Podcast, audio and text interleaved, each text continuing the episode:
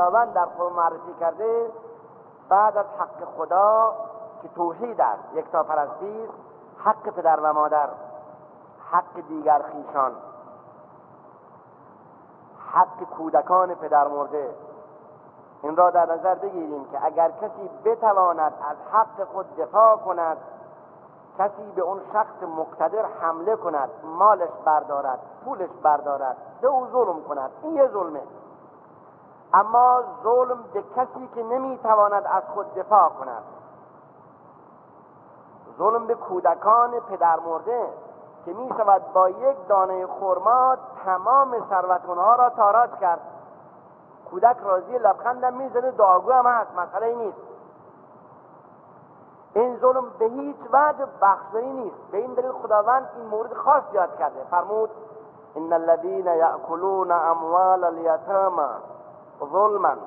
انما ياكلون في بطونهم نارا و سعیرا فرمود بیشک اونهایی که اموال و ثروت کودکان پدر مرده را از روی ظلم و ستم تصاحب می کنند اینها فقط آتش می‌خورند. نسبت به آینده دورشون نسبت به آینده بعد از مرگشون آتش می‌خورند و به زودی در آتش شعلور جا می‌گیرند و سیخلون سعیرا و آیه قبل از این حکیمانه سرپرستان ایتام را اختار و ارشاد فرمود. فرمود وليخشى الذين لو تركوا من خلفهم ذرية ضعافا خافوا عليهم فليتقوا الله وليقولوا قولا سديدا. چکیده این آیه چنین می شود اونهایی که به اموال یتیمان دست درازی میکنند تجاوز میکنند این را فراموش نکنند که کودکان خودشون هم در معرض یتیم شدن قرار دارند. پس برای اینکه به یتیم آینده خودشون ظلم نشود باید فعلا به یتیمان ظلم نکنند چون همیشه دست انتقام الهی به این گونه از, از آستین قدرت بیرون می آید که هر ظلمی انسان در اینجا بکند در آینده به علاوه جهنم و حساب عسیر حساب دشوار در روز حساب اون ظلم به پسرش هم می شود این یک امر طبیعی است و به این دلیل قرآن تذکر میده اختار می‌کند. اونایی که قدرت دارند می توانند به برادرزاده به عموزاده به قوم و خیش یتیم خود ظلم کنند. حق اونها را خانه و ملک و زمین و اتومبیل و زندگی اونها را برخلاف حق تصاحب کنند. اینا باید بدانند که کودکان خودشون در معرض یتیم شدن هستند. و به علاوه جهنم و حساب عسیر حساب دشوار در روز حساب گرفتاری یتیمان خودشون نیز جز برنامه است.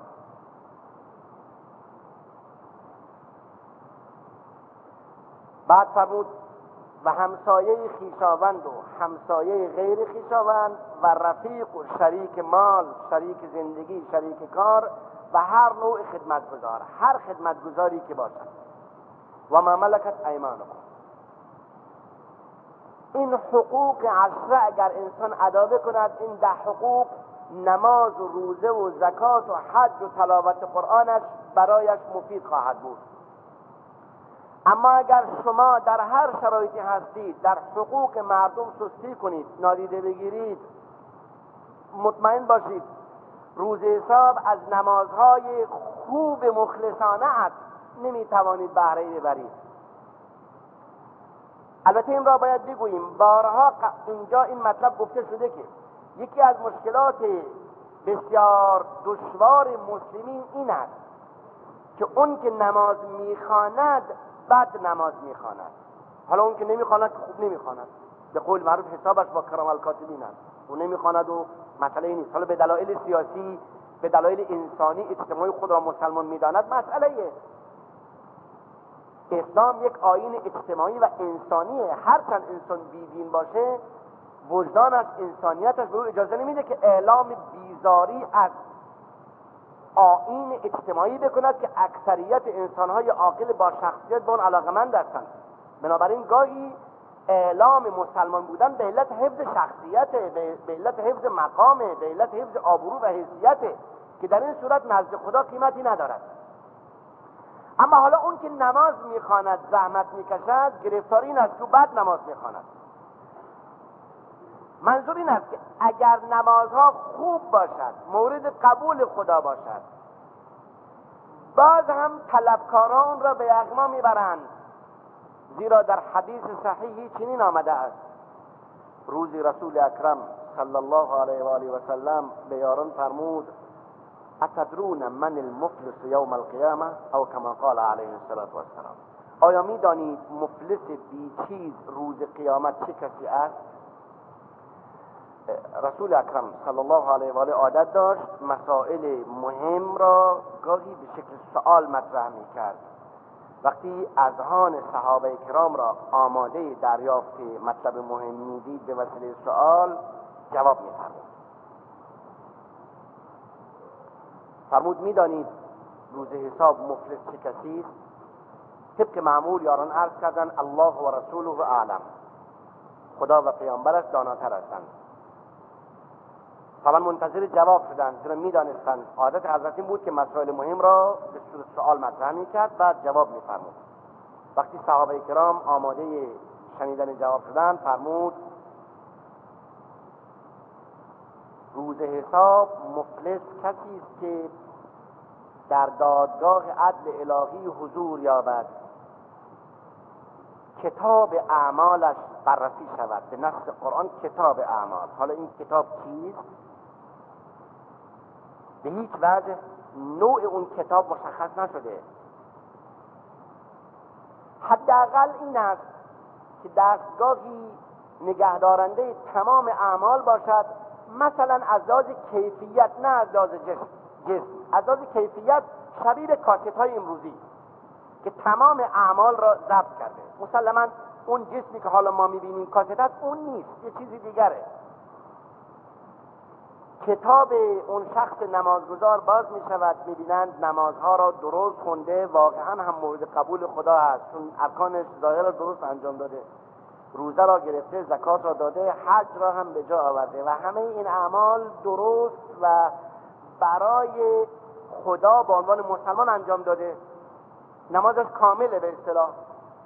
ولی در مقابل مال این خورده خون این ریخته تهمت به این زده حق این پایمال کرده. نمازش از بین می رود به خاطر خیانت هایی که کرده به مردم.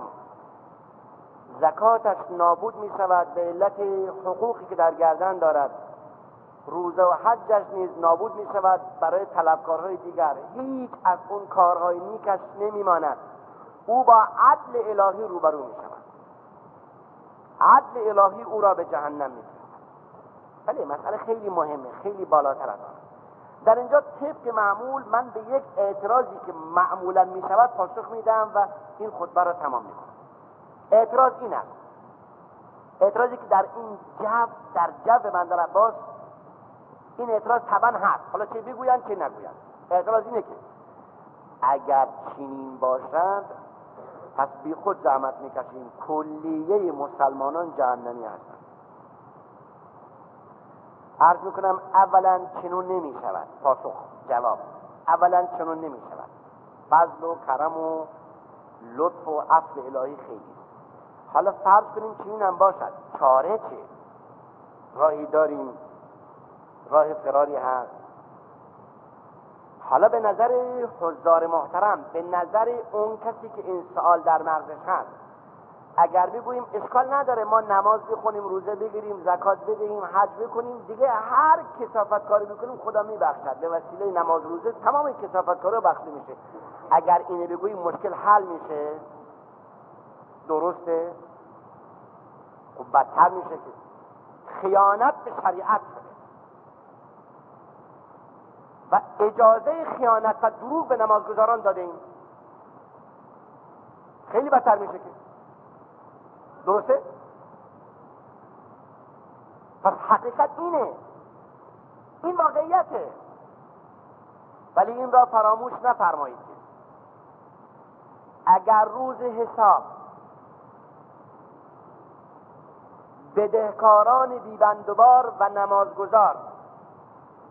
به علت ستم و ظلم و بیبندوباری به ده الا 20 میلیون سال محکوم به جهنم شوند باز هم در نهایت خدا به اونا رحم کرده. بالاخره 20 میلیون سال تمام میشه زمانی دیگه.